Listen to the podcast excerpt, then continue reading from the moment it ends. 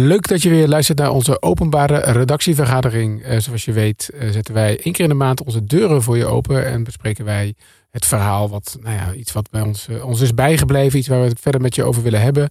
Mijn naam is Gertjaap Hoekman en ja, Julien, moet ik het nu al zeggen of wachten we nog even tot de tune? Ik denk een cliffhanger is wel interessant.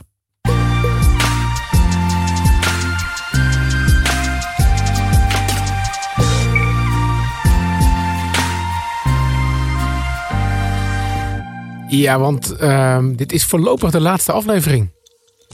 Er komt een einde aan. En Dit al- wist ik ook helemaal niet. Nee, eh, en dit, eh, dit eh, de ik die je nu hoort, dat is Bas Scharwachter. de- Ja. eh, onze enige gast in de voorlopig laatste aflevering van eh, ja, de maand van nu. Hè, zo, zo is het gaan, gaan heten. Het was eerst de week van nu. En iedereen die een beetje in de media werkt, die weet wel... als, je, als het steeds langer duurt voordat een nieuwe komt... dan komt op een gegeven moment het moment dat je ermee gaat stoppen. En ik zeg voorlopig, omdat we, eh, eh, omdat we ook op dit moment al nog aan het nadenken zijn... Ja, wat willen we nou precies met podcast en audio gaan doen? Maar Julien, we zijn allebei ook gewoon druk hè, met andere dingen. Ja. ik zeggen? Dat zeker. eh, maar gelukkig allemaal hele toffe dingen om audio binnen nu.nl ook naar een ja, verder niveau weer te brengen. Ja, En ja, de podcast is daardoor een beetje in het geding gekomen. Want, want jij gaat eh, vanaf volgend jaar, of eigenlijk doe je dat nu al. Hè? Je bent eh, coördinator van de nieuwsredactie bij Q-Music. Zeker weten, waar we het nieuws van nu.nl elk uur en soms elk half uur te horen hebben op de radio door heel Nederland natuurlijk. Ja. En om dat een beetje te stroomlijnen, mooi op orde te krijgen, ja, gaat daar wat meer aandacht naartoe. En helaas ten koste van eh, het mooie maand van nu. Ja. We zitten trouwens ook nu bij Q-Music. We praten, alles, overal waar ik kijk is het rood. Ja, Gert-Jaap, overal waar je om ons heen kijkt, inderdaad groot rood, want de letter Q, je kan niet missen, maar omringd door ook alleen maar nu.nl, want wij drieën zitten er. Nou ja, precies. Dus laten we het ook eh, eh, daarover gaan hebben. Dit is voorlopig de laatste aflevering. Ehm, dat betekent niet eh, dat wij ook niet meer vertellen wat wij aan het doen zijn. Hè? Ik bedoel, ik heb tegenwoordig, schrijf ik elke week een blog over de dingen die er bij ons spelen. En één keer in de maand ga ik, heb ik ook een soort vraag- en antwoord sessie met mensen op Nu Jij. Dus als je een vraag hebt over nu.nl of iets wat er bij ons speelt, dan kan je ook altijd daar terecht. En eh, nou ja, wie weet, eh zeg nooit nooit bij nu.nl. Ehm, maar goed, dit is dus de maand van nu. Eh, laten we hem nu ook even de, de- het jaar van nu noemen. Want we zitten ergens tussen, tussen kerst en oud en nieuw. Nou ja, die periode ehm, is mijn favoriete periode van het jaar eigenlijk, Julien. De periode van lijstjes en terugblikken eigenlijk. Ja, precies. Ik hou ervan. En ehm, we gaan het, eh, het jaar, het nieuwsjaar doornemen. En ik, ik, zei, ik zei het al tegen je, Bas, hè, want jij, eh, jij wist hiervan. Ja, zeker. Absoluut. Ik, was, ik stond vorige week te tanden poetsen. En toen dacht ik ineens aan jou. Dat moet ik zeggen, dat niet... dat Ja, rare timing wel. Ja, snap ik, snap ik.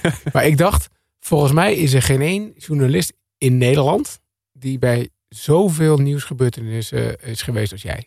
Ja, dat zou nog misschien wel kunnen ook. Ik denk dat heel veel journalisten op veel verschillende plekken zijn geweest. Maar bij alle grote nieuwsmomenten mocht ik wel van nu.nl erheen. Ja, dat klopt. Ja, en want jij bent een, eh, ja, een cameo noemen we dat in jargon, hè? een videoverslaggever. eh, staat voor camerajournalist. Ja, camerajournalist.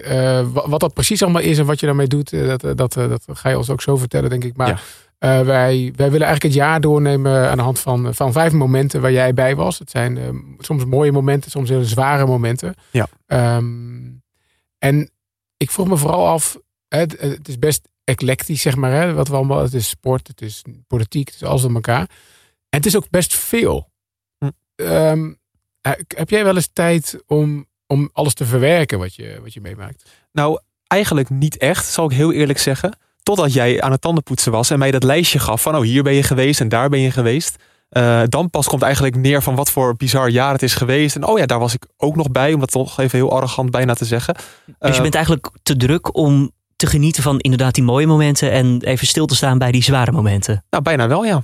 Ja, dat is echt zo. Maar dat komt ook omdat nieuws is ook gewoon heel hectisch. Of je nou in den, politiek Den Haag werkt of je bent sportjournalist. Het is heel erg, erg hectisch. En ik weet dat, ik weet zeker, elke sportjournalist weet niet meer waar, waar Ajax of het Nederlands elftal in maart tegen gespeeld heeft bijna. Omdat het allemaal zo onoverzichtelijk is. Wat was jouw hoogtepunt van het jaar? Ja, ik ben dus voor nu.nl naar Tokio geweest, de Olympische Spelen. En ehm, eh, ik, ik moet eerlijk vertellen, toen ik in groep 3 zat, eh, had je, maak je een vriendenboekje, dat vul je in. En daar stond bij mij in dat ik later Mart Smeets wilde worden. Oh joh. Ja, dat is echt zo. Dat was, dus ik was zes en toen dacht ik al, ik wil Mart Smeets worden. Oftewel, ik wil sportjournalist worden. Nou, wat is dan het hoogste dat je kan behalen? Dat is de Olympische Spelen. Dus twintig jaar later mocht ik als een van de jongste journalisten daar, mocht ik naar de Spelen. En dat is toch wel een uniek moment. Ja, nee, ik kan me wel voorstellen. Ja, een jongensdroom die, eh, die uitkomt dan. Ja, ik hou iets minder van wijn dan Mart Smeets, maar voor de rest... Uh... ja, ja, maar zo snel uh, eigenlijk. Ja, fantastisch toch dan? Ja, maar dat is ook een beetje typisch nu.nl. Dat uh, wij gooien veel verslaggevers best wel... of ja, gooien. Wij geven ze heel snel de kans. Nee, we gooien ze in het diepe. We gooien ze in het diepe. Nou, eigenlijk wel. En dan gaan we maar eens kijken of het, of het bevalt. En um, uh, daardoor krijg ik bij nu.nl ook zoveel kansen. Daar gaan we het zo meteen nog wel over hebben. Mm. Ja, om daarbij aanwezig te kunnen zijn. En daar is de Olympische Spelen eentje van. Ja, logische vervolgvraag is natuurlijk ook, wat was het dieptepunt? Wat was het mm. moment dat het echt heel zwaar was? Ja, daar gaan we het zo ook nog wel over hebben. Maar ik denk dat Peter R. de Vries wel erg heftig was. Um, ook omdat het een collega is. En het staat ook wel een beetje symbool voor... Sowieso was het een heel moeilijk jaar voor de journalistiek. Qua agressie en allemaal dat soort dingen. Nu staat dit er wel een beetje los van. Omdat het niet met corona te maken heeft. Maar het staat voor mij zelf persoonlijk wel een beetje symbool over wat voor krankzinnig jaar dit voor de journalistiek was. En Peter R. de Vries was een journalist, is uh, op basis daarvan en omdat hij natuurlijk ook een rol speelde bij de kroongetuigen, ja, is hij uh, van het leven beroofd. En dat vind ik dan wel heel heftig om daarbij stil te staan. Ja, ja. Um, nou, voor we het over die momenten gaan, uh, gaan hebben, ja. willen we jou toch eerst nog uh, iets beter leren kennen. Tenminste, de luisteraars wel. We net in de studio, voordat we de studio liepen, Julien, werd hij echt eh, bijna aangeklampt door een fan. Hè? Want Zeker weten. Je, je, kan Bas kennen van de Boordradio. Maar vijf jaar geleden kwam jij bij nu.nl als stagiair op de sportredactie. Dat klopt, inderdaad. En je hebt, ja, en je hebt journalistiek gestudeerd volgens mij. Hè? Ja, ook nog eens. En ik woonde in Haarlem, nu.nl. Of eh, sorry, ik woon in Hoofddorp, moet ik zeggen. ik ben geboren in Haarlem, ja. dat zeg ik nou. Uh, en ik ging elke dag met de bus van Hoofddorp naar Utrecht, naar de school van journalistiek. Uh, met de bus rijden langs het nu.nl gebouw. dus ik heb altijd al gedacht, als ik stage ga lopen, mijn allereerste stage wordt nu.nl. Nou, dat gebeurde ook. Ik ben aangenomen en sindsdien ben ik er blijven plakken. Ja, en, en Um, waarom wilde jij journalist worden? Ik bedoel, je schreef dus al in je vriendenboekje dat je Mart Smeets wilde worden. Maar wat, uh, waarom eigenlijk? Ja, dat is een goede vraag. Ik denk dat het te maken heeft dat ja, je hebt diep van binnen wel interesse in de journalistiek natuurlijk. Maar uh, ik wilde specifiek sportjournalist worden. En ik vond de verhalen rondom sport heel erg interessant. Uh, nog ineens wel heel concreet op die leeftijd. Maar ja, ik was in die tijd heel erg fan van Lance Armstrong bijvoorbeeld. Ja. Nou, daar werd genoeg over geschreven. Ja, dat begon ik met interesse te volgen. En toen dacht ik, ja, dat wil ik ook. Ja, om trouwens een beetje een goed gevoel te hebben. Zowel Julien, Julien als ik draag een gele trui hier. Hè? Dus we hmm. wisten dit eigenlijk wel een beetje. Ja, inderdaad ja. Uh, om jou toch een beetje op je gemak uh, te laten voelen. Toch een beeld te geven. net even iets meer vertelt als het ware. Ja, net even makkelijker praat. Ja, Dus dan ga je in die bus langs, uh, langs dat gebouw van, van, van, van nu.nl. En waarom, waarom wil hij bij nu.nl werken dan? Um, ja, dat, dat, ja, dat is, is een beetje gek antwoord misschien. Maar het is ook een feeling met een bedrijf bijvoorbeeld. Uh, mijn feeling is bij AD of Telegraaf wat minder. Uh, maar ook bij NRC en Volkskrant wat minder bijvoorbeeld. Maar kun je dat uitleggen waar dat vandaan komt? Ja, dat is denk ik misschien ook het korte, snelle nieuws dat je, dat je graag wil zien. Ik ben een groot gebruiker van de nu.nl app. Dat zeg ik niet omdat de hoofdredacteur naast me zit. Nou. Maar dat is gewoon, dat is een feit eigenlijk. Um, en misschien ben ik wat minder van de grote, lange verhalen. Maar iets kort en krachtigs kunnen uitleggen. Nou, dan maak ik ook nog eens video's. Dan krijg ik van jou maximaal 2,5 minuten tijd om het uit te leggen. uh, dat is niet een regel, maar dat is wel een beetje de stijl ongeveer. Ja, dat komt allemaal een beetje samen op nu.nl, denk ik. Ja, precies. Je begon dus op de sportredactie. Hè? Daar, daar, daar deed je niet iets met video, maar vooral met live blogs, geloof ik. En dat soort nou, ik, ik, had gesolliciteerd uh, toen zat ik in de McDonald's trouwens. Ik zag een vacature in de McDonald's voorbij komen. Ik zat op mijn telefoon. Daar meteen getikt. En toen had ik meteen getikt naar Bart van Dooyenweert. in een DM op Twitter zelfs. Dus nog ineens een officiële sollicitatie. Mooi dit. En toen zei ik eigenlijk dat ik uh, sportpresentator wilde worden of zoiets, had ik gezegd. Mm. Maar dat kan natuurlijk niet. Uh, met video ook. Maar toen had ik een gesprek met twee chefs. Eentje van video en eentje van sport. Uh, Laura en, en Bartus. En toen, toen mocht ik bij sport stage lopen. En dan mocht ik af en toe van Laura een video maken. Nou, dat was een mooie, mooie gulden middenweg. Zo ging dat. En nu ben je inderdaad al een, uh, sinds 2018 uh, werk je dus als, als videoverslaggever van, ja. van die, ja, wat, wat doe je als cameo? Ja, als cameo ben je eigenlijk je eigen cameraploeg in één. Dus dat betekent, uh, ik ben echt mijn eenmansleger. Ik ga altijd solo op pad. Dus ik uh, doe het camerawerk, uh, ik doe de interviews, ik doe het geluid, het licht en alles. En ondertussen monteer ik het ook nog eens. Je hebt volledige controle van begin tot eind dus? Eigenlijk wel ja. En dat is op zich kan ook eenzaam. Ik ben niet eenzaam, maar dat kan wel eenzaam zijn uh, als je lange reisjes moet maken bijvoorbeeld. Ik ben wel eens alleen naar Los Angeles geweest als cameo. Ja, dat is wel heftig. Ehm, op een goede positieve manier hoor. Ik klaag niet. Mm. Uh, maar ja, kijk, vroeger was het bij de, bij de NOS of RTL zie je zo'n hele cameraploeg eromheen. Ja, dat is bij mij niet nodig eigenlijk. En wat ben je daar, ben je daar bijzonder in? Nee, maar ik ben wel onderdeel van de nieuwe generatie. En ik geloof wel dat het cameo zijn. Ik weet zeker dat, dat alle media over twintig jaar altijd een cameo in dienst hebben. En ik kan me voorstellen, want ik heb ook stage gelopen bij de NOS. En daar mocht ik ook op, op beeld wel eens een reportage draaien. En daar zag je wel dat het gewoon belangrijk is voor de kwaliteit dat het 100% goed is. Bij mij is het toch altijd maar de vraag: ja, ik ben aan het interviewen, ik ben op het geluid aan het letten. Ja, is, het, is het shot wel scherp? En uh, inmiddels heb je ervaring, dus daar heb je daar het vertrouwen over. Maar op televisie moet het 100% scherp zijn. Ja, want even voor de duidelijkheid: hè, uh, jij maakt ook voor ons. Uh, vaak terugblik op, op de persconferenties of zo. Ja. Of als er in Den Haag iets belangrijk is. Dan staat daar, sta jij daar bijvoorbeeld met Ede van der Groot, onze politiek verslaggever. Ja. En inderdaad, daar staan, werk je dan met één camera of met twee? Met twee. Met twee camera's, dus je zet daar twee camera's neer. En inderdaad, um, ja, daar staan geen mensen achter. Dus nee. zeg maar, jij zet dat neer en dan monteer je later zeg maar die shots, denk ik. Ja, dat klopt. Nee, ik, ik zet hem scherp op Edo, mijn, mijn collega. En dan hoop ik op de andere camera dat de autofocus goed werkt. Wauw. Ja, en dat is Wist en, jij dat, Julien? Ja. Nee, maar de, ja, ik weet wel, dit is de manier, want een andere is er niet. Je kan moeilijk aan een voorbijganger vragen van, hey, uh, zoom even in op mijn ogen en uh, zoom vervolgens weer uit tot een mooi uh, breed shotje. nee, nee, nee. Ja, dit, dit, is wel, en dit laat ook meteen zien, Bas, die ervaring, ja. wat dat waard is en ja, hoe, hoe blij we eigenlijk met je moeten zijn. Hm. Dat we je zo op pad kunnen sturen en dat die video's er wel steeds ja, scherp uitkomen. Want eigenlijk kan het niet, maar, maar, maar, toch, maar het kan dus wel. Nee, maar het is ook deels een beetje kostenbesparing. Want nu.nl heeft misschien, ja, misschien kan het wel. Maar het is toch uh, niet efficiënt om en een geluidsman te regelen. En een interviewer apart en een cameraman. Ja, ik kan het allemaal in één. Ik ben 26, laag salaris. Dus dat is ideaal voor Gert Jaap. De onderhandelingen zijn gestart. Nee. Hey, we waren in Den Haag. Uh, en eroverheen. Ja, precies. We waren in Den Haag net. Uh, ik, ik, wilde toch naar het eerste moment. En misschien wel ja, voor sommige mensen wel het moment van het jaar. En dat, is, uh, dat zijn we allemaal gaan um, herkennen aan de, de twee woorden functie elders. Ja, dat klopt. Wat was jouw rol daarbij? Nou, ik, ik wil je vooral over vertellen dat dit mijn grootste blunder van het, uh, ja, maar van voor, het jaar is. Voordat je dat doet, even, oh, ja. hè, want het was 25 maart. Oh ja. Het was volgens mij een druilerige dag als ik het... Uh, uh, Misere, ja. Jij stond daar te, te posten op het Binnenhof. Ja. Um, wat was precies je opdracht die dag? Um, als ik het me goed herinner, waren Rutte en uh, Mark Rutte en Sigrid Kaag op bezoek bij de formateur. Ik weet nog ineens meer welke dat was. Um, maar uh, dat was Keisha Hollongren. Volgens mij, die was destijds ja. de formateur, dacht ik. Mm -hmm. um, en wij stonden eigenlijk te wachten tot überhaupt Rutte en Kaag aan zouden gaan komen. Om überhaupt naar binnen te gaan bij het Binnenhof. Daar heb je een kamertje. Heb je misschien op televisie wel eens gezien. Dan zouden ze gaan praten. En een uur later komen ze dan weer naar buiten. Um, en ik stond daar eigenlijk te wachten tot zij überhaupt aan zouden komen met de auto. Ah, toen kwam er ook een auto aan. Um, maar daar, was niet, daar zat niet Rutte in, daar zat niet Kaag in. Maar op een gegeven moment zag ik in mijn ooghoek zag ik Keisha Ollongren uit dat kamertje lopen waar we op zaten te wachten. En die stapte die auto in. Uh, maar ik had dat gefilmd met mijn camera. Zo van, oh, interessant, waarom loopt ze naar buiten? En nou zat die uh, welbekende papieren onder de armen. Want we hebben het dus over het, het fragment ja. waarin uh, de papieren uitlekken met functie elders erop van, van Pieter Omzicht. Ja. De foto van het jaar. De foto van het jaar. Ik, ik zou je dus vertellen, mijn blunder is dat ik dat gefilmd heb. Um, toen was er op een gegeven moment een, half uur, een uur, was er niet heel veel aan de hand. Uh, Ollongren, wat raar eigenlijk dat ze wegging. Maar verder niks mee gedaan.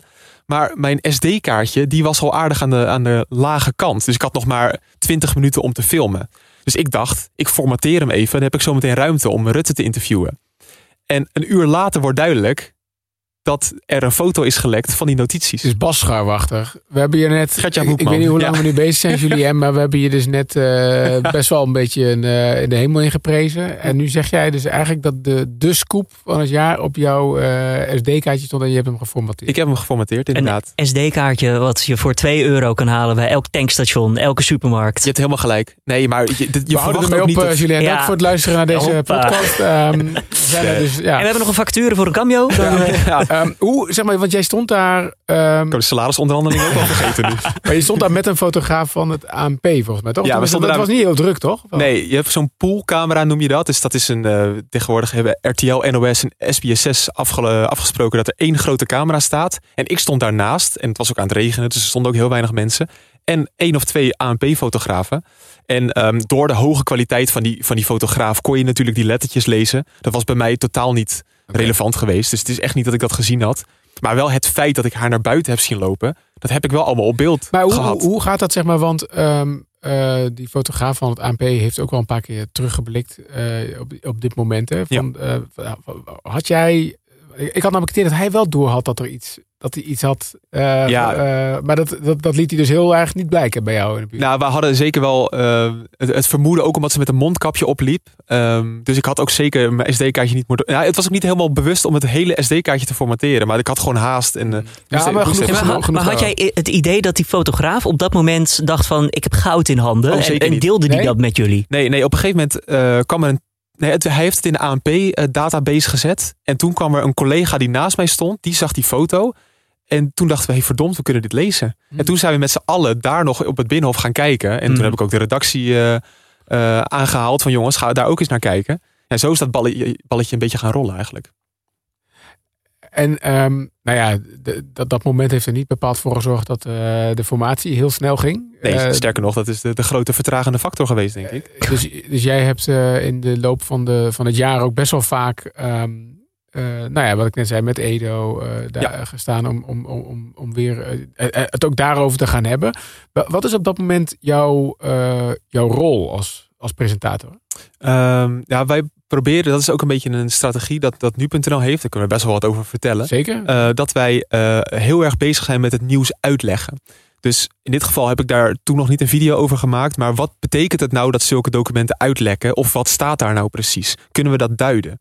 Want wij kunnen heus wel lezen wat er staat. Maar wat is nou de achterliggende gedachte erachter? En waarom kan dit een politieke rel gaan worden?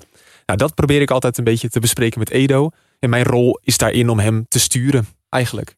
Maar sturen, eh, eh, ook omdat we net al zeiden, jij, bent op heel veel verschillende plekken. Heb jij dan ook eh, daar heel veel verstand van, van politiek? Nou, dat is wel een nadeel van mijn werk. Want ik moet net zoveel verstand hebben van Sifan Hassan en Max Verstappen. dan van Mark Rutte en Keisha Ollongren. Dat vind ik in Politiek Den Haag wel moeilijk. omdat daar moet je zoveel over lezen. Dat is zo complex allemaal. Dat ik, zeker met vragen, vind ik dat echt lastig. Van, is dat al niet een keer gesteld, bijvoorbeeld? Maar is dat niet zo? Voor de podcast bijvoorbeeld spreken we natuurlijk ook soms met Edo. En dan denk ik bij mezelf, ik weet vrij weinig van dit onderwerp. Maar het geluk is dat Edo het toch moet uitleggen. En als ik het niet snap, dan legt Edo het dus eigenlijk niet goed genoeg uit. Denk ik dan bij mezelf. Eh, maar Julia, dat is precies de kern van mijn werk eigenlijk. Dat Ja. als, als ik het al niet snap als presentator, dan gaat de, de kijker het ook niet snappen. Dus eh, ik kan er altijd best wel blind ingaan door hele grote open vragen te stellen. Van hè, wat, wat, wat betekent dat nou dat die documenten zijn uitgelekt? En wat bedoelen ze precies met functie elders? Dan hoef ik er geen verstand van te hebben, want dan is Edo de man die het moet beantwoorden. Ja, en Ja. dan daarna moet jij het snappen. En de Ja. rest van Nederland dus ook. Precies, dan vaak wat een slim journalistiek trucje is, dan ga je het samenvatten, de woorden bijvoorbeeld. Ja, en als ik dat dan niet goed begrijp, dan gaan we het nog een keer opnemen. En dat hebben we, we doen best wel eens, dat eh, een eerste versie, dat ik denk van ja, maar begrijp ik het nou? Maken we een tweede, soms een derde versie. En dan staat het wel goed op beeld. Korter, krachtiger en eigenlijk meteen naar de kern toe dan. Hè? Ja, dat is precies nu.nl hè. Ja, hoppa. Op 6 juli ehm, we- eh, werd Peter R. de Vries neergeschoten Ja. in Amsterdam. eh, eh, bij, de, bij de studio van, eh van RTL Boulevard. Je noemde het net al, hè, eh, toch een van de zware momenten van het jaar. Ja, echt het absolute zwarte dieptepunt. Misschien vergeet ik iets hoor, maar voor mij persoonlijk was dit het zwarte dieptepunt. Hoe, want jullie waren daar, en dan met jullie bedoel ik jij en, en Joris Peters, hè, onze, Ja. onze rechtbankverslaggever. En Job van de Plicht was er ook. jullie waren daar vrij snel, hè? Ja, klopt. Nou, ook wel bizar. Ik was met, eh, met een collega, Joost Nederpelt van de Formule 1 redactie, of van de sportredactie. eh, was ik een spelletje aan het spelen op de Playstation. Het, een bevriende collega van mij, van een ander medium, die zei in één keer van Bas, ik heb nou iets gehoord. Peter R. de Vries is neergeschoten. En dat was echt tien minuten nadat het gebeurd was. Hij had ook wat contacten daar. En, eh, en toen zat ik met Joost van, nou, moet je nou eens horen wat ik krijg. En eigenlijk vijf minuten daarna gingen we weer verder met het spelletje. Dat we dachten, ja, ja het zal toch niet. En toen eigenlijk daarna zijn we gestopt van, ja, maar wacht even, als dit echt zo is, dan moeten we dit checken. En toen heb ik eigenlijk eh, mijn schoenen aangetrokken, ik heb mijn camera gepakt en ik ben maar naar Amsterdam gereden. Want ik dacht, als dit echt zo is, dan moeten we dat gaan meemaken. Dus ik zat nog in de auto voordat het überhaupt op, op nu.nl stond, denk Oh, ik. En ehm, ja, wat, wat trof je aan op dat moment? Nou ja, niet heel veel natuurlijk, want het was ruim af, afgezet. Ik denk dat ik uiteindelijk door al het reizen en wat ik zeg, de grote vraagtekens, was ik er pas een uur later. Ik denk dat Joris Peters, mijn collega, die kon op de fiets in Amsterdam. Dus die was er een stuk sneller. Ja. Uh, je moest ook je auto parkeren in Amsterdam. Binnen, uh, dat wil ik je net vragen. Van, neem je dan nog de tijd om je auto te parkeren? Of denk je gewoon, ik zet hem op de stoep, laat maar aan de politie oplossen. Ik ga gewoon filmen, want ik heb dit nodig. Nou ja, nee, helaas ben ik niet zo. Ik zou dat misschien wel wat meer moeten zijn. Maar ik heb hem keurig in een parkeergarage ergens gezet. Ja. Ik ben een kwartiertje gaan lopen. Um, maar ja, je, je treft heel veel politie aan. En uh, veel onduidelijkheid van... ja, je, het, gaat, het is uiteindelijk duidelijk dat het om Peter R. de Vries gaat. Um, maar wat voor, voor verhaal kan je daaromheen maken? En eigenlijk vond ik dat best wel moeilijk. Want je wil vooral sfeerbeeld, nou sfeerbeeld, dat is een beetje naar om te zeggen. Maar wel gewoon laten zien wat er op die locatie gebeurt. Dus linten, politie, um, ja, dat soort dingen. En dat is dan mijn taak op dat moment. Ja, dus je wil laten zien inderdaad wat, wat, wat, wat er gebeurt. Je kan het ja, ook nog niet duiden natuurlijk. Nee, zeker niet. We weten helemaal niet wat er gebeurd is. Is het überhaupt een liquidatie of is het... Uh, we, en, we wisten helemaal niks. En een Joris en een Job zijn daar dan ook op zo'n moment. Ja. Heb je dan nog me, contact met hun van kan je misschien een stand-upje doen voor de camera? Of is er iets wat jij wel kan zeggen vanuit jouw expertise als bijvoorbeeld rechtbankverslaggever of binnenlandverslaggever? Nou zeker, we hebben wel veel overleg gehad. En Job die koos ervoor om naar het AMC te gaan. Ik dacht dat hij in het AMC lag. Uh, uiteindelijk, daar is hij naar vervoerd, Peter R. de Vries. En Job zei, hé, hey, dat loopt allemaal zwaar uh, hoe heet dat? Uh, mensen met zware bepakkingen en zo. Weet je wel? Uh, ja, hoe zeg je dat? Ja, beveiliging. beveiliging. Gewoon beveiliging inderdaad, met zware wapens. Misschien is dit iets voor video. Dus toen ben ik naar het AMC gereden. En heb ik daar beelden gemaakt van, nou, dit is, dit is de plek waar die ligt. En mensen kunnen misschien denken dat is een stukje sensatie. Maar ik denk dat het wel belangrijk is om dat soort dingen te laten zien. Dat er ook hoge beveiliging bij, ehm, ja, bij dat ziekenhuis ligt. Ja, dat vind ik wel relevant voor het nieuwsverhaal. Het laat de impact van het... Het, het laat de impact zien, inderdaad. Ja, ja want ik, ben jij daarmee bezig dat mensen dat, dat je dan betichten van sensatie? Oh, ik wel, want ik ben er best wel gevoelig voor. Voor echt sensatiebeluste dingen. Dat is ook daarom heel fijn om voor nu.nl te werken. Het is geen sneer naar andere media, maar het is wel zo dat wij best wel heel correct zijn en goed nadenken over wat wij doen. Um, maar ja, stel je voor, je ziet een wit doek liggen en hij zou daaronder liggen of zo. Zou ik daar een shot van maken? Ja, misschien is dat heel journalistiek relevant. Maar ik zou daar wel eerst drie, vier keer over nadenken. Ja, het nou, ik denk dat je vooral moet nadenken van breng je het shot naar buiten, bij wijze van spreken nee, dat, ook. Ja, dat, dat is inderdaad waar. Je, je, draait het sowieso. Want, want je zal maar een SD-kaartje formateren en dan uh, ben je dat shot kwijt. Uh, nee, maar ja, moet je dat dan gaan plaatsen? Wil je dat? Weet je, wat als het je eigen vader is? Ik vond het wel interessant, uh, de discussie dat we... Uh, er was ook een, een, vrouw die geloof ik langsliep en die nog even met de telefoon een, een shot maakte. En dat er eigenlijk heel veel discussie was over moet je inderdaad het laten zien dat hij daar ligt op de straat. En uh, toen moest ik, en, en veel mensen met mij denk ik ook terugdenken aan natuurlijk uh, Pim Fortuyn. Waar, waar ja. die discussie voor mijn gevoel, maar goed, toen was ik ook uh, nog een stukje jonger. Voorpagina Telegraaf toen hè? Ja, precies. Toen was ik ook nog geen hoofdredacteur van nu.nl. Dus ik, ik, toen studeerde ik nog journalistiek zelfs volgens mij. Dus dat is lang geleden. Maar toen dacht ik, volgens mij was die discussie toen helemaal niet zo heftig als, als nu met Peter R. de Vries. Ja. Snap jij... Um, uh, hoe dat is veranderd dan? Um, nou, wat, nou, dat weet ik niet. Maar wat ik wel weet is dat ik in die uren daarna zoveel beelden en video's van, van uh, sensatiebakken in mijn vriendengroep uh, die, dat allemaal krijgen. Ik heb echt de, de, de smerigste video's erover gekregen en de, gekste foto's van standpunten die je later ook op social media ziet. En dat gebeurt wel heel veel. Dus of wij het nou niet op nu.nl plaatsen, het is wel een ding van deze tijd of zo. Maar het zou ook een reactie kunnen zijn juist. Dus dat je ziet uh, dat omdat het al veel rondgaat, dat dan de professionele media juist ja, nog, nog netter zijn of zo. Terwijl tegelijkertijd, het is natuurlijk ook, je noemt het sensatie. Ja, op die manier, ja. Ik snap, ja. ik snap ook wel dat je het sensatie noemt. Maar aan de andere kant dacht ik, ja, maar je kan ook door die beelden niet te laten zien, maak je het misschien juist weer minder hard dan het ook is. Ja. ja, dat is echt een moeilijke discussie. Want ik denk wel dat nou, ik weet eigenlijk niet. Maar ik kan me wel voorstellen dat je wil zien wat er nou daadwerkelijk gebeurt. En die nieuwsgierigheid is er denk ik sowieso bij mensen. Ja. Maar pas op het moment dat iemand ziet wat hij ziet, dan komt het ding door van ja, had ik dit wel willen zien? Ja, dat, er zijn ook wat beelden en video's gedeeld. Dat wil je helemaal niet zien. Echt nee. niet. En dat, dat zou je in geen honderd jaar willen plaatsen. En er zijn media die dat gedaan hebben. Niet van de grote media, maar dat gebeurt wel.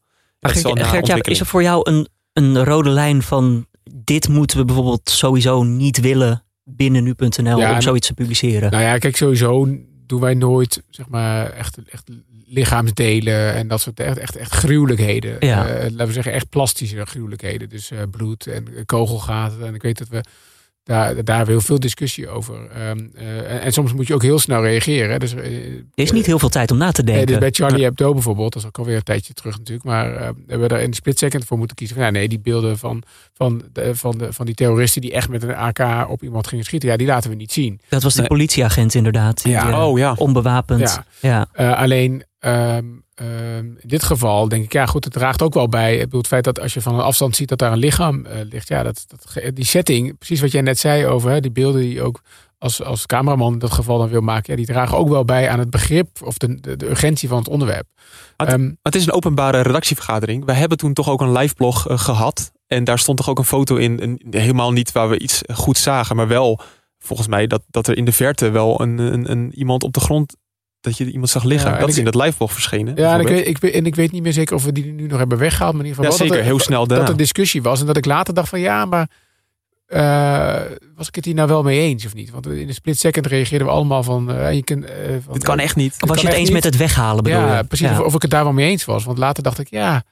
Uh, maar hè, waarom, waarom, kijk, en Pim Fortuyn was wel een andere situatie. Hè, want we moeten er even bij zeggen. En die, op dat moment, hij was nog niet dood. Hè, dus ik bedoel, uh, Pim Fortuyn was, was, was dood. En dat, en dat speelde hier nog wel een rol mm. mee. Zeg maar dat je in die zin ook nog de, de nabestaanden, of in ieder geval de, de familie ook nogal wat beschermt daarin. Ja. Theo van Gogh uh, was volgens mij niet direct dood. In ieder geval op het moment dat die foto natuurlijk met het mes kwam.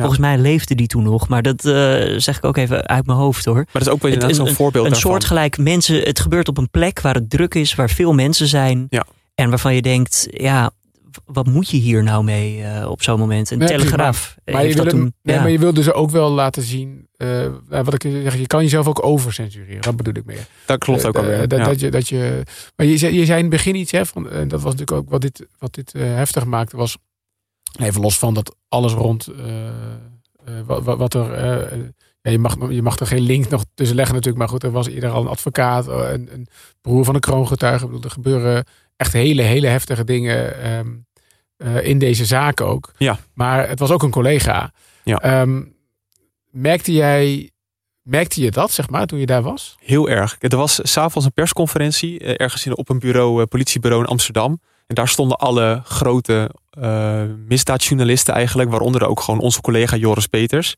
En die waren echt stil. En die waren ook aan het tikken en die waren ook echt wel bezig om dit te duiden en uh, profielen schrijven, kan ik me voorstellen, dat soort dingen. Maar dat, dat, was echt een hele nare sfeer. En ook mensen die elkaar echt even een, een, een schouder gaven of zo, een hand over de schouder heen. Dat was wel een beetje de setting daar. En ja. ik, ik, ik heb Peter R. de Vries nooit, daar heb ik nooit mee gewerkt. Dus voor mij uh, stond het wel iets verder weg. Uh, maar voor die gasten was dat echt verschrikkelijk om ja. dat te zien. Nou, nou hebben we het al eerder gehad over schakelen. De, je, maar precies op het, in diezelfde periode speelde natuurlijk ook uh, Limburg en de overstroming uh, daar. Daar was jij ook. Ja. Ja, toch maar weer dan nog die vraag, zeg maar. Want dat, dat is ook heel naar nieuws. Hè? Um, de, um, hoe hoe um, ja, neem je dat mee naar huis, dat soort dingen? Of, of weet jij, kan je, kan je ook wel weer, nou ja, kan je het loslaten? De, de PlayStation het aanzetten en ja. loslaten inderdaad. Ja, nee, op zich wel. Het ligt ook een beetje aan de heftigheid uh, van zaken. Uh, als het echt iets op persoonlijks is, dan vind ik dat wel moeilijk natuurlijk. Ook al kan ik er goed over praten met collega's. Maar het is wel dat je, dat je het leed in Limburg hebt gezien bijvoorbeeld. En dat je dan toch s'avonds denkt, ja, dat, het zal mijn huis maar zijn. Mm. En dat, dat, daar kan je natuurlijk wel erg in blijven hangen. En ik ben niet zo'n emotioneel type die daar echt... Uh, in een halve depressie van raakt. Maar ik kan me wel voorstellen dat als je dat wat minder bent, dat, dat je dat heel erg mee naar huis kan nemen. Maar da, dan is het werk misschien ook niet geschikt voor dat, je natuurlijk. Dat wil ik ermee zeggen inderdaad. Je moet ja. het kunnen loslaten, want elke dag het nieuws wat we brengen op nu.nl, of het nou dichtbij is of ver weg, het is vrijwel altijd negatief. Ja. Ja. ja. Nou, behalve dan uh, de sportzomer. Kijk eens. Uh, dank voor deze brug, uh, Julien. Want uh, op 23 juli begon dat in die zin. We hebben natuurlijk het EK voetbal gehad. Daar was jij ook. Ja. Uh, wij, wij, waren nog even samen in Boedapest trouwens, maar ik had een oranje klomp op mijn hoofd. Dus ik, ah, wilde, dat ik, ik, wilde jou niet. En, en, en, een, en, en een regenboogbandje, moet er ook bij zeggen. Maar ja. ik wilde jou ontlopen daar. Um, maar jij was daar aan het werk. En, ik was wel uh, nuchter, inderdaad. Ja. um, uh, ik was later ook nuchter hoor trouwens. In de, ja, in, in, twee weken daarna. In, de eerste, in de eerste helft al. Ja. Um, maar ik wil het hebben over, over Olympische Spelen, Tokio. Ja. Uh, nou, jongensdroom kwam uit. Zeker. Uh, zei je al. Ja. Eerste keer in Japan ook? Ja, überhaupt in Azië. Dus het was voor mij, ik was ook niet in Thailand of zoiets geweest. eh, dus dat was voor mij allemaal heel bijzonder. Eh, Het was extra bijzonder natuurlijk door corona. 100 procent. Oh Eh, man. Valt dit woord nu pas voor het eerst? Zeker. Ja, misschien, ik heb hem één keertje zelf genoemd, maar inderdaad. Oh, Nou, oké. Het onderwerp corona komt nu eh, op tafel. Gezellig. Want ehm, toen jij... Vertel eens even hoe dat ging, zeg maar. Die reis daar naartoe en met name dan die eerste dagen. Volgens mij of week zelfs. Ik. Ja, nou, dit is ook zoiets. Ehm, wat is nou nieuwsrelevantie? Ehm, eh, ik kwam eigenlijk tijdens de reis en van tevoren al een beetje achter dat eh, de vliegreis en de, de check in Tokio zelf chaos zou worden. Toen had ik bedacht, laat ik dit gaan vloggen. Wat, wat we eigenlijk helemaal niet bij nu.nl doen. Wij maken gewoon eh, redelijk zakelijke video's. Nou goed, vloggen paste er niet helemaal bij. Maar nu ging ik de kijker meenemen naar welke stappen er allemaal gebeuren. Zo kwam je bijvoorbeeld op het. eh, nou, het duurde sowieso drie uur voordat je geland was. Dus dan heb je eerst een vlucht van eh, wat is het, 12 uur gehad. Dan moet je nog eens drie uur door allemaal controles heen. Om de juiste corona-app te hebben. Dat was allemaal nieuw natuurlijk. En je moest onder andere gaan spugen in een buisje. En je kreeg zo'n buisje, daar moest je dan echt gewoon je spuug in doen. En dat was heel raar. Eh, en als je dat niet lukte, dan had je bijvoorbeeld een citroen op de muur geplakt. Zodat je, dan kon je daar naar kijken en dan ging Als je het van je niet kwijlen. lukt, niet lukt om te spugen. Ja, dan ging je van kwijlen. Dat was de theorie erachter. Nou, ik weet, ik weet niet wie dat bedacht heeft. Een foto van een citroen of een echte citroen. Gewoon, nee, wel een foto. Oké. Nog. Dus. Maar, Ja, kon, want kon, kon je makkelijk spugen? Had je dit nodig, die citroen? Of? Nou ja, als je zo lang eh, gevlogen hebt, heb je best wel een droge mond. Dus dat was best moeilijk nog hoor. Dat is best wel wat. Ja, 12 uur in eh gerecyclede lucht. Ja, het is echt daar. Maar allemaal dat soort dingetjes kom je tegen. En überhaupt, je moet langs duizend loketten om daar naar binnen te gaan. En eh, ehm, het meest bizarre was nog dat we op een gegeven moment heb je alles doorstaan. En dan werden we naar een taxistandplaats gebracht. En toen moest iedereen met een aparte taxi. Terwijl wij net in een volle bus hadden gezeten. Gewoon zo'n partybus, weet je. Of gewoon zo'n... Ja. Maakt niet uit. Bus. Eh, gewoon een bus, inderdaad, wat het is. Touringbus, willen, touringcar Ja. wil ik zeggen. En toen werden we vanuit die touringcar naar die taxis gebracht. Moesten we één voor één in een taxi. Komen we bij het hotel aan, zijn we gewoon met z'n drieën bij elkaar. Want ik was met Ja. twee andere verslaggevers. Dus Tokio was echt heel erg bizar qua maatregelen. En dat werd per dag werd dat minder. Maar je moest ook drie dagen in quarantaine bijvoorbeeld. Ja, dus je drie, de eerste drie dagen van jouw, van jouw eh, nou ja, je eerste drie dagen ooit in Azië heb jij Ja. op een hotelkamer doorgebracht. Serieus? We mochten een kwartiertje naar buiten. En er zat een beveiliger voor elk... Je had natuurlijk speciale Olympische Spelen hotels. Er zat een beveiliger voor de deur. En dan moest je echt in- en uitklokken. Nou jongen, en als je 16 minuten in plaats van 15 minuten later binnenkwam... Nou dan... eh nou, dan gebeurde niks. Maar, ze zijn van de tijd. nou, maar dan werd er wel op gewezen Ja. van... Vriend, eh, je hebt echt maar 15 minuten. En eten en dergelijke, dat werd voor je geregeld? Of? Nou, in die 15, oh sorry, in die 15 minuten moest je dus naar de supermarkt... om je eten te regelen. Oké, er er werd niet zomaar iets bij je deur gebracht of Nee. zo? Nee. Dus wel, eh, kijk, je had allemaal van die prachtige rijstmaaltijden. Dat is daar best wel goed geregeld natuurlijk. Dus we kwamen de dagen wel door. Um, en je kon iets bestellen, dat was ook nog een optie. Um, maar dat, dat soort dingen speelden wel een rol in Tokio. Dus ik was eigenlijk de eerste week helemaal niet bezig met sport. En, en er was ook nog een brandalarm of zo? Hoe zat dat ja, dat was iets. eh, inderdaad. In één keer werden we wakker. En uh, net was drie uur s'nachts, het brandalarm ging af. Ja. En wat, wat, maar als het brandalarm gaat en je slaapt op de 17e verdieping, wat doe je dan? Ehm, ja, dit is een instinker. Hè? Dan, Ik pak de Hij- trap en ga naar beneden. Oh, ik heb de camera gepakt. ik ben alles gaan filmen. Oké, En, en eigenlijk gewacht tot het alarm weer uitging. Toen ben ik weer gaan slapen. je hebt eigenlijk gewacht tot je Tot ik, ja. erachter kwam, is het nou wel of niet een probleem en kom ik hier nog uit? Nou, de volgende ochtend eh, kom ik met mijn collega aan. En, nou, ze gingen even beneden in de lobby zitten. En dan kom ik Riepke tegen. En ik zeg zo, jongens, waar waren jullie nou buiten? Ik zeg, ja, ook zo... eh, eigenlijk ben je zo gewend dat een brandalarm helemaal niet het ding is. Eh, Dat er echt concreet brand is, dat maak je ook nooit mee eigenlijk. Tot die ene keer ooit. Eh, En dan zou je maar net op de 17e etage zitten. Ja, precies. En Riepke zei, ja, ik dacht echt aan mijn kinderen. En ik ben echt naar beneden moeten, moeten rennen en zo. Dus dat vond ik wel een grappig contrast. Ik ben alles gaan en filmen. jij was gewoon aan het werk.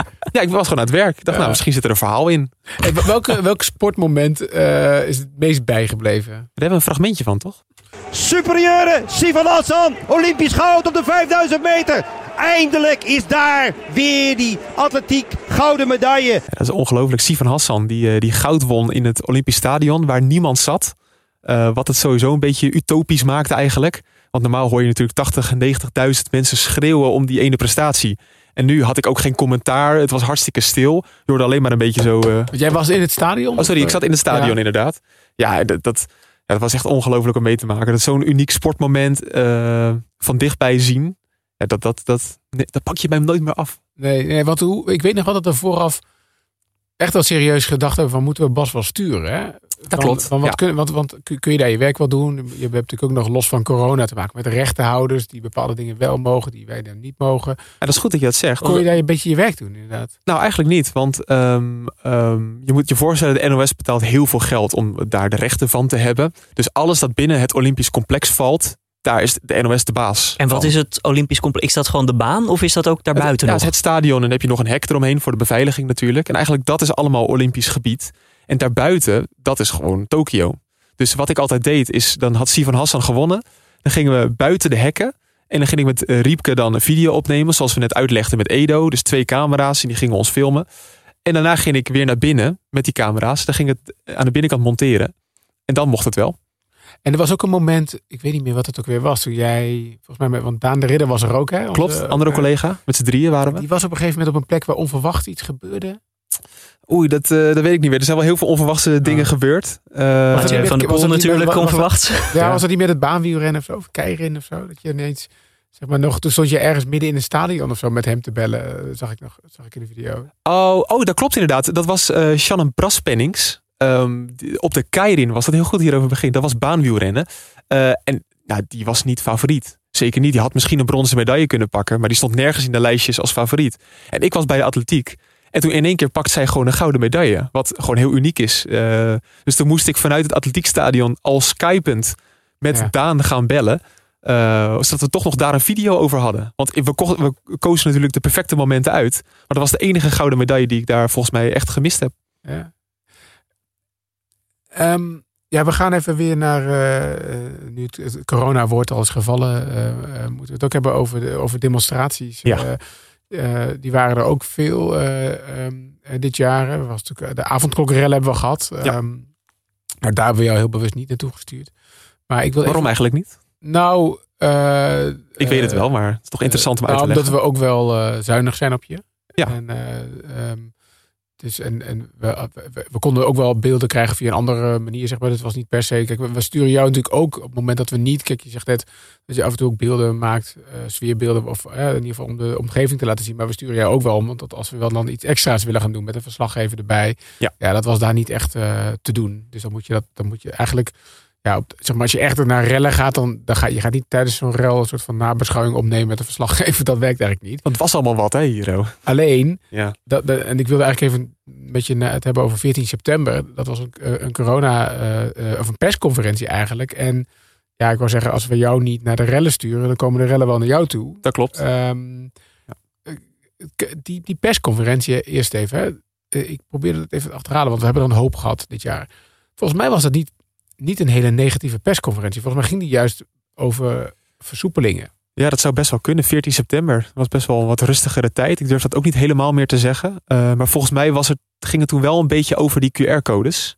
En dat was een beetje het negatieve ding. Dat mensen dat als discriminatie eh, zagen of zien. Tot, tot op heden. Ehm, en dat was volgens mij het ding dat daar speelde. En daar waren mensen heel boos over. Want het was eh, op het ministerie van Justitie, volgens mij. Ja, justitie en veiligheid, daar hebben ze altijd eh, de persconferentie. Verklap ik nu? eh, nee, dat Nee, weet, weet nee, iedereen dat is geen geheim, nee. Nee, zeker niet. Eh, daar houden ze altijd de persconferentie. En aan de buitenkant, daar heb je een, eh, een prachtig stukje waar je zou kunnen demonstreren in theorie. Want jij, eh, kan, je, kan je een beetje vertellen hoe dat gaat? Want jij, jij, jij gaat dan naar die persconferentie toe, maar je bent niet binnen. Dus jij wacht buiten op onze verslaggever. Ja, bij elke persconferentie maken we na afloop dus een, een nabeschouwing met Edo. En een- voorheen deden we dat met Avinash Biki, ehm, andere collega.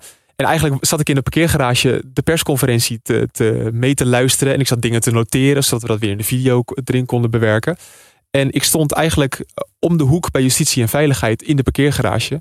Eh, totdat ik eigenlijk hoorde van, hé, hey, er is een corona-demonstratie. En eigenlijk ging ik er nooit heen. Maar nu dacht ik van, eh, ga, ik ga toch eens kijken wat daar nou gebeurt. Het was ook niet zo'n hele massale, een hele grote. Ja, eigenlijk eh, dat ging niet heel goed. Nee, wat gebeurde er? Nou, wat, ik ben dus cameo, daar ben ik dus in mijn eentje. En wat er dus heel erg gebeurt, je bent best wel zwak in je positie. Je hebt geen ogen in je rug. Je hebt niemand die even naar je omkijkt. Of even waarmee je kan sparren van, hey, moeten we niet da- daar een veilige plekje zoeken? En eigenlijk was ik daar de enige journalist die daar stond. eh, met camera in ieder geval.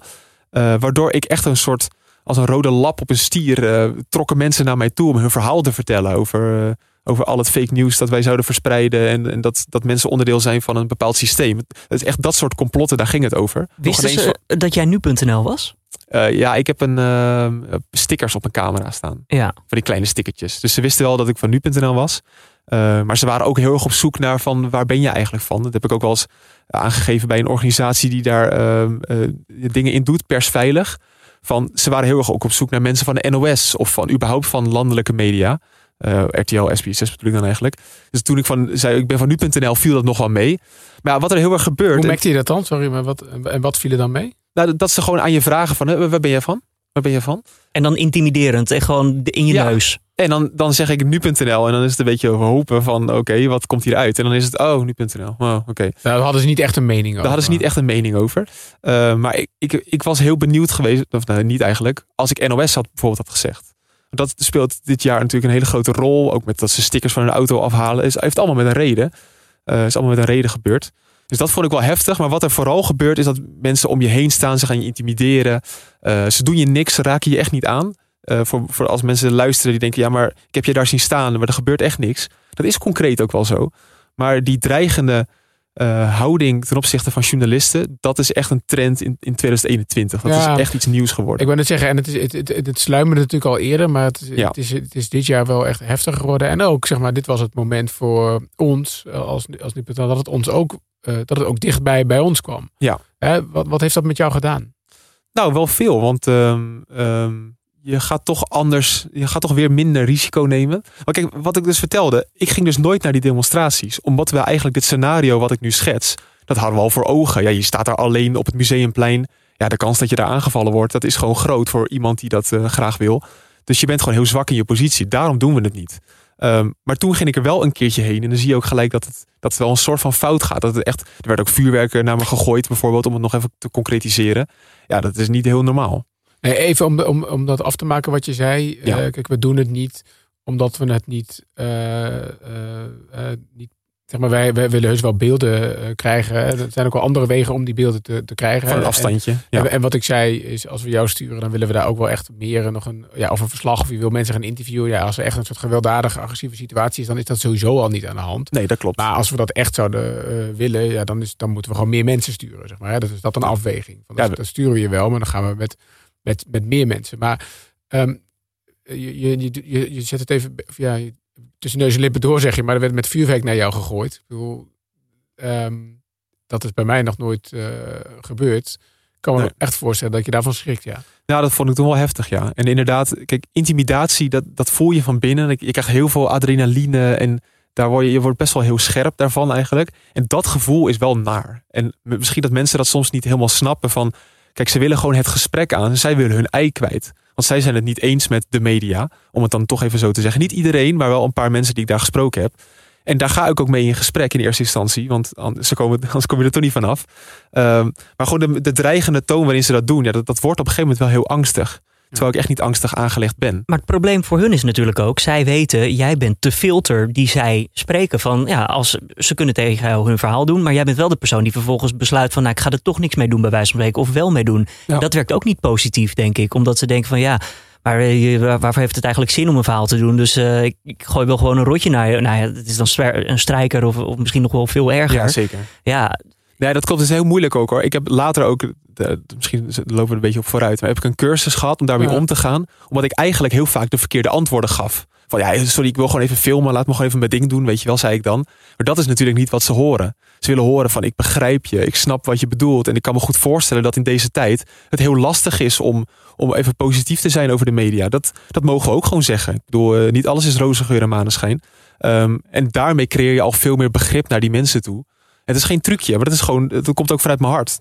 Maar dat, daar moet je wel opkomen. Want um, ik vroeg inderdaad aan je, wat, wat, heeft dat moment voor je veranderd? Kijk, sowieso voor ja. ons was het uh, voor het eerst dat we, er, dat we geconfronteerd werden met de situatie waar we ons werk gewoon niet konden doen. Ik bedoel, niet alleen jij kon daar je werk niet doen. Uh, onze verslaggever binnen Edo, ja, die kon even niet naar buiten. Hè, nee, die van, zaten opgesloten. De, die zaten opgesloten. Dus ik, ik baalde daar wel van als hoofdredacteur. Ik dacht, verdomme. Uh, ja, ik vind iedereen mag zijn eigen mening hebben en die mag ook demonstreren. Dat is allemaal heel, heel goed recht. Maar laat, journalistiek, laat de journalistiek ook gewoon zijn werk doen. Ja. Um, uiteindelijk mo moeten jullie sindsdien toch wel naar andere plekken verhuizen om, om die video's te kunnen maken. Dat is toch best triest. Ja, dat is wel triest. Is zelfs afgelopen zaterdag nog meegemaakt bij de laatste coronapersconferentie. Dat wij op het Binnenhof stonden. Of nee, niet op het Binnenhof, maar voor het oude plein bij de Tweede Kamer.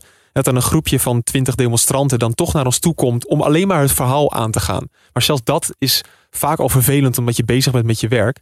Uh, en het gaat natuurlijk over zaken waar je helemaal niks mee te maken hebt natuurlijk. Uh, dus dan ga je verplaatsen en dan word je weer achtervolgd. En dan moet de politie moet die mensen weer weghalen. Kijk, concreet gebeurt er dan misschien niet echt iets of zo. Weet je wel, je wordt niet persoonlijk aangevallen. Maar ik hoop dat die mensen toch ook wel snappen dat het toch wel heel vervelend is. Uh, door de manier hoe ze je benaderen. Op een dreigende toon, op een harde toon.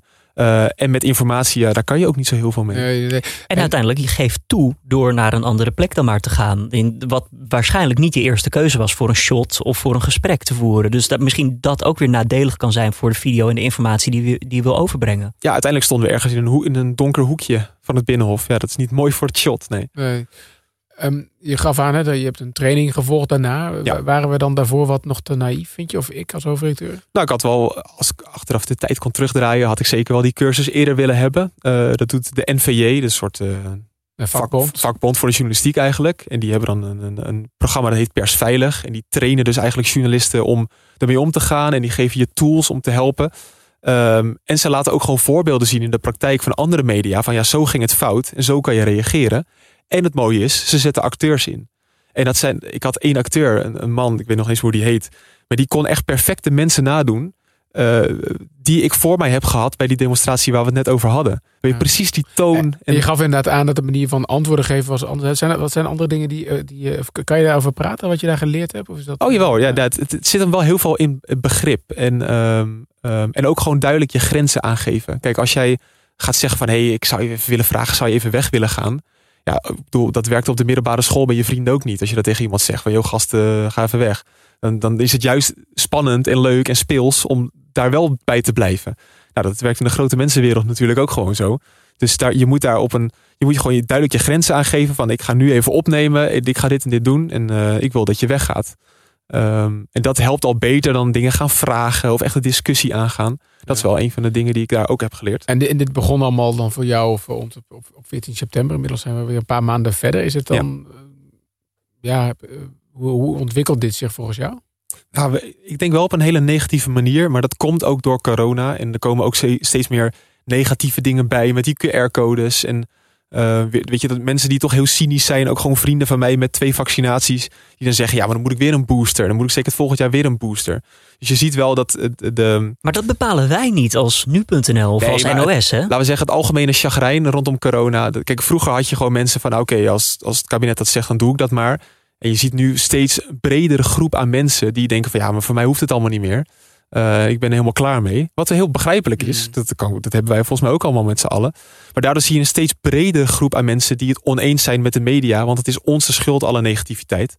Um, waardoor je dus door een bredere groep wordt aangesproken. En niet alleen maar meer demonstranten. Nee, maar heb je, dus je hebt de trainingen gevolgd. Je weet iets beter hoe je daarmee moet dealen. Maar voel je je nu onveiliger dan, dan een jaar geleden? Uh, ja, 100 procent kijk, onveiliger niet van dat ik het gevoel heb dat ik direct in elkaar word geslagen. Uh, hopelijk gaat dat nooit gebeuren. Maar ik hou daar wel een beetje rekening mee. Is dat gek om te zeggen? Nee, dat heb ik wel eigenlijk. Ik, vroeger liep ik heel trots met mijn plopkap zo over straat. Van hé, hey, ik ben van nu.nl. Dat doe ik ook niet meer. Ik hou pas de camera uit de tas als ik daadwerkelijk ga filmen. Ja, het is niet gek dat je dat zegt hoor. Ik schrik er wel van. Ja, dat snap ik ook wel. Uh, omdat ik ook denk, ja, wat moet ik doen om je te beschermen? Dus ik voel dat, nou ja, dat voel ik niet alleen. Dat is, dat is volgens mij ook mijn verantwoordelijkheid. Ja, maar, maar zo'n beschermgevoel van, wordt het gevoel denk je beter als je de beveiliging bij zou zetten? Of is dat juist iets wat AV-recht zou werken, denk je? Dat denk ik ook. En voorkomen is beter dan genezen natuurlijk. Dus dan, uh, je kan, kijk, als het ergens random een keer op straat gebeurt, dan overkomt het je en dan, dan is dat maar zo. Hmm. Uh, maar als je inderdaad naar een demonstratie gaat en zonder beveiliger en het gaat fout, ja, misschien had je dan achteraf het risico niet moeten nemen. Maar je zou natuurlijk ook kunnen denken van dat betekent dus eigenlijk dat we altijd een slechtere locatie of een mindere nieuwsvoorziening kiezen. Ja. Omdat we dan gewoon maar zeggen van ja, dan doen we het maar niet vanwege nou ja, het gevaar. En dat had ik, dat we, we, hadden laatst ook een uh, niet openbare redactievergadering, die hebben we ook wel eens. En toen ging het ook over van, ja, moeten wij ook niet stickers van onze auto's afhalen? Hè? En toevallig hebben we, geloof ik, net een nieuwe auto of zo. En er zaten nog geen stickers op. Dus dan is de vraag, komen ze erop of niet? Ja. En ik vind dat lastig, omdat ik aan de ene kant denk, eh, ik wil alles doen om jullie te beschermen. Maar aan de andere kant uh, voelt het ook een beetje als inbinden en toegeven. En uh, ja, ja dat, vind ik lastig. Dat is echt moeilijk, want zo'n nu.nl auto is ook een stukje reclame. En je laat zien dat je erbij bent. Het opent deuren op locatie. Dus Ik, het is een stukje autoriteit inderdaad. Naar bijvoorbeeld ook de politie weer toe. Van je hoort bij nu.nl, ah, kom, er maar, ah, kom er maar wel bij. In plaats van bijvoorbeeld alleen die perskaart. ja, ja, ik zie heel veel voor. Ik rij zelf met een auto, eh, met een best wel grote auto met nu.nl erop. En dat, het heeft voor mij veel meer opgeleverd dan dat het daadwerkelijk nadelen heeft.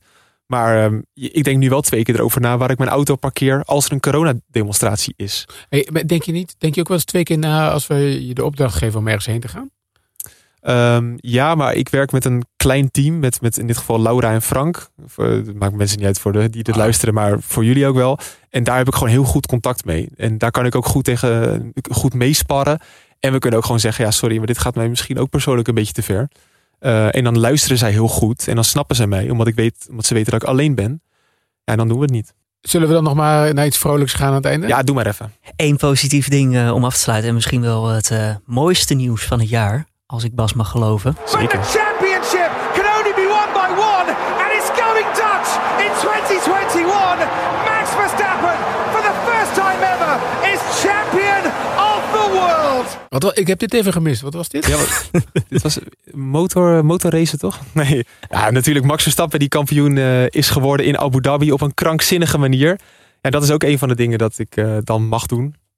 Nou, We, hadden het er in het begin over. Jij bent de stem onder andere van de Boordradio. Ja, de Formule 1 podcast van nu.nl is dat inderdaad. En jij mocht voor de Boordradio en voor nu.nl naar Abu Dhabi. Ja, dat was wel eh, mijn debuut ook op een circuit. Dus moet je nagaan. Ik had, was nog nooit echt op een circuit geweest behalve Zandvoort. Of als fan ben ik een paar keer naar een race geweest. Maar niet al als journalist. Oh, deze keer was je dus eh, nuchter? Bedoel Deze je keer dat? was ik Ja. Zeg nog in Abu Dhabi een week lang geen bier gedronken.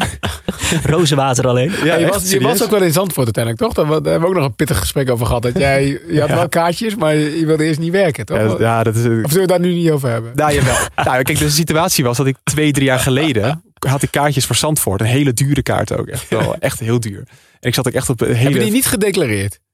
Nee, maar dat, dat was nu.nl failliet. Nou. Nee, nee, nee, nee, nee, geintje. Nee, had ik liever bij mijn salarisverhoging dan gehad. Nee, dat was een grapje, geintje. Ehm, eh, nee, maar die had ik heel lang van, van tevoren gekocht. En daar had ik me heel lang op verheugd. En toen in één keer een maand van tevoren van... Oh Basja, je moet daar wel gaan werken natuurlijk. Zo, de- zo werd dat gebracht. Nou ja, nou, het, Ik werd niet eens gevraagd. Nou, zo was het een beetje wel, maar wel, je moet er wel bij bedenken dat ik al de podcast maakte van de Formule 1 en ik maakte al Formule 1 video's. Dus het was wel een soort van ABC'tje. Ja. Maar toen werd tegen mij gezegd, Nou, dan gaan we, dan gaan we, dan Nee, ja, gaan we- nee, moet je gaan werken? Toen heb ik heel lang gezegd, nou dat ga ik niet doen. En toen zeiden ze op het einde, nee, ga je wel doen. En uiteindelijk heb ik, Ja. ben ik daar en op de tribunes geweest, zonder bier. En toen ben ik na afloop, heb ik mijn cameraspullen uit de auto gepakt. En toen ben ik nog gaan filmen daar. Dat was ook een krankzinnige dag, maar Abu Dhabi was ook... eh, Ja, dat is wel mooi. En eigenlijk had je daar weer hetzelfde. Dus binnen de hekken van het circuit mag je niet filmen. Ehm, dus ik had twee opdrachten daar. Ten eerste een podcast opnemen. Eh, video maken met onze verslaggever Joost. Om uit te leggen van wat betekent de pole position van Max Verstappen nou. Nou goed, eh, iets dieper dan dat natuurlijk, maar je snapt het. En er waren oranje fans. En eigenlijk was mijn taak om ook die oranje fans na afloop van de race op te vangen.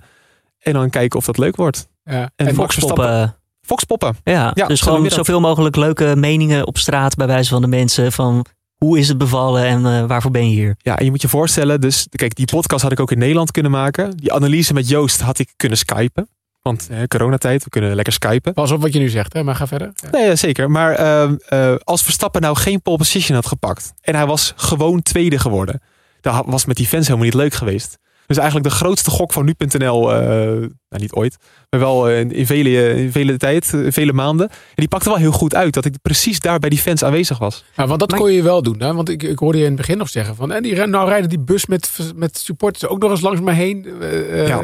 Ja, dat, ja klopt. Je, je mag daar dus niet filmen, maar ik zag wel op jouw Instagram gewoon... dit is de plek waar Max morgen bijvoorbeeld eh, vanaf wegrijdt en dergelijke. Doe je nou geheim? Nou ja, Zeker. openbaar. Waarom mag dat dan wel? Omdat eh, ik een slotje op mijn Instagram heb. En dan kan, dan kan de VIA, zeg maar, dus dat is... eh, nou, Die maar- volgt jou niet. Die volgt mij hopelijk niet. Nee, inderdaad. Nee, dan mag, dat is een beetje privégebruik. Maar Ja. je mag echt binnen de hekken, ook bij de Olympische Spelen en, en bij de hekken van, eh, van, eh, van de Formule 1, mag je echt niet filmen. En ook al tweet je één video, dan wordt je, dan wordt je accreditatie van je Ja. nek getrokken, bij wijze van spreken. En dan word je echt van het, eh, van het terrein gesodemiet. Maar je mocht wel op het terrein komen. Dus je hebt ook wel daar de race kunnen ja, zien. in principe was ik daar als schrijvende krantenjournalist. Zeg maar. Ah, oké. Ja, zo was ik geaccrediteerd. En dan ging ik stiekem naar buiten. Had ik de camera Ja. in de kofferbak van de auto liggen. Ja. En dan ging ik daar buiten de hekken. En precies voor het hek gingen we eigenlijk opnemen. En binnen de hekken script schrijven. Van dit mag je straks... eh, ja. Wat een jaar. Ja, het is, het is ik wel een bizar echt- jaar. Ik moet zeggen, ik echt, heb echt met, eh, met- veel, eh, eh, ja, toch wel plezier zitten luisteren naar je, Bas. Ik wil nog één ding horen van Bas. Want ehm, toen Max als winnaar over de finish kwam, daar hebben we nog een mooi fragment Oh. over. Toen, toen klonk dit. Oh my lord, Max! Oh my yes! Yes! Oh my god! Yes!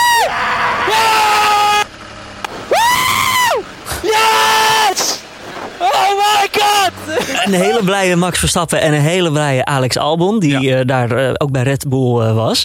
En Joost en Bas, die zaten op dat moment in het perscentrum. Ja. Nou ben ik als luisteraar van de boordradio, heb ik een beetje geluisterd. En Joost zei, ja, in, normaal in het perscentrum juich je niet. Want je bent journalist, je bent onafhankelijk, je hebt niet Ja. echt een voorkeur. Maar volgens mij had Bas zoiets van, ja, Oh ja. krijg het allemaal. Eh, Ba- wat nou? Bas was een beetje een soort... eh, Hoe- beschrijf eens, hoe was jouw setting daar in dat perscentrum in die laatste ronde? Nou, om een klein beetje context aan te geven. Normaal kijk ik elke Formule 1 race met vrienden. Altijd. Zitten we altijd op de bank en met mijn vader erbij. Is hartstikke gezellig. Ehm, dus daar zitten we ook wel heel erg te schreeuwen. En misschien ook wel een klein beetje met een oranje bril op. En bij de- ik heb al die races met mijn vrienden gekeken. Tot die laatste race zat ik in het perscentrum.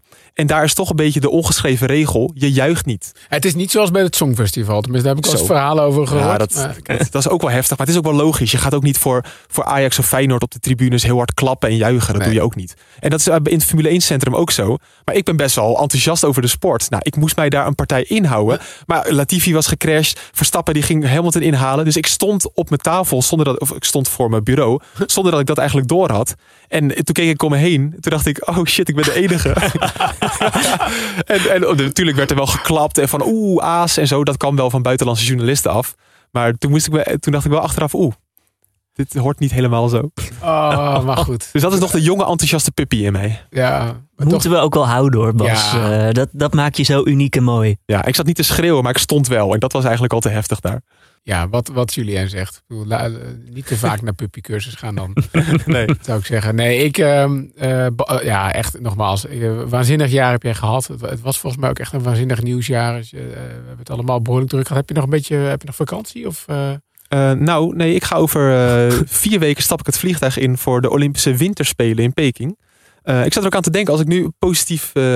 eh, ik, heb, ik heb nooit corona gehad. Als ik dat nu krijg, dan kan ik dus niet naar de Winterspelen. Nee, wat een risico. Je bedoelt maar te zeggen wat een risico je neemt voor ons om eh, hier te zijn. Ja, inderdaad, ja. We nou- zitten in een goed geventileerde ruimte, eh, Ja. meer dan anderhalve meter van elkaar. Nee, dat klopt ook wel. Ik daar zat ik toch even over Je, na te je krijgt het niet van ons. Nee, ik krijg het niet van ons. Maar, Nee. maar de- to- tot die tijd hoop ik dat je nog wel even ergens wat rust kan pakken. Want, Dat komt eh, helemaal goed hoor. En, Zeker. ander- en anders waren wij eigenlijk jouw eh, therapeuten eh, afgelopen uur, denk ik, eh, eh, om, om, om even het jaar met je door te nemen. Zodat je toch alles een plekje kan, eh, kan geven. Ja.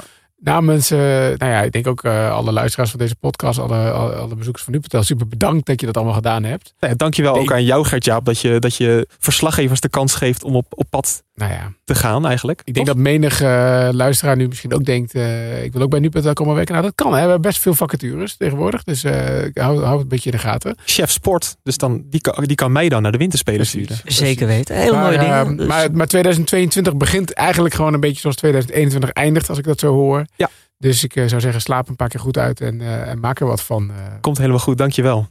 super. Julien, ja, ja, toch, ik, ik blijf het even de voorlopig laatste eh, aflevering noemen. eh, en eh, jij ook super bedankt voor, eh, voor alles wat je, wat je hier gedaan hebt. Nou, jij ook natuurlijk. Want we hebben echt prachtige uitzendingen gemaakt samen. De week van nu eerst, zoals je al vertelde. Daarna de maand van nu hebben we echt leuke dingen gedaan. En ehm, ja, ik, weet je, ik ben ook heel erg blij met wat we hebben neergezet als podcast uiteindelijk bij nu.nl. Zeker. En, da- en dat blijven we ook doen. Hè, voor het geval dat jullie niet denken, we stoppen helemaal. Kijk, de boordradio blijft. We hebben, eh, de, dit wordt het nieuws. Dus, eh, en het nieuws van nu.nl op Q-Music, wat jij eh, coördineert. Dus ieder uur kun je ons eigenlijk horen. En er zijn ook echt nog wel plannen om nog meer met, eh, met, met podcasts te gaan doen. Hè. Ik, hoor, ik hoorde iets over een klimaatpodcast al een paar keer voorbij komen. Dus er komen echt ve- vette, dingen, vette dingen aan, ook in eh, 2022. Maar bedankt voor het luisteren naar deze podcast in ieder geval.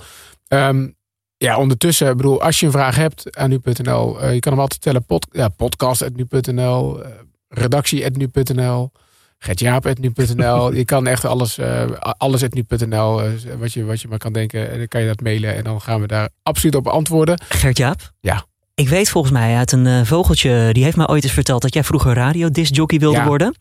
Ik heb hier een, het laatste closertje, het geluidje Oh. dat we afsluiten.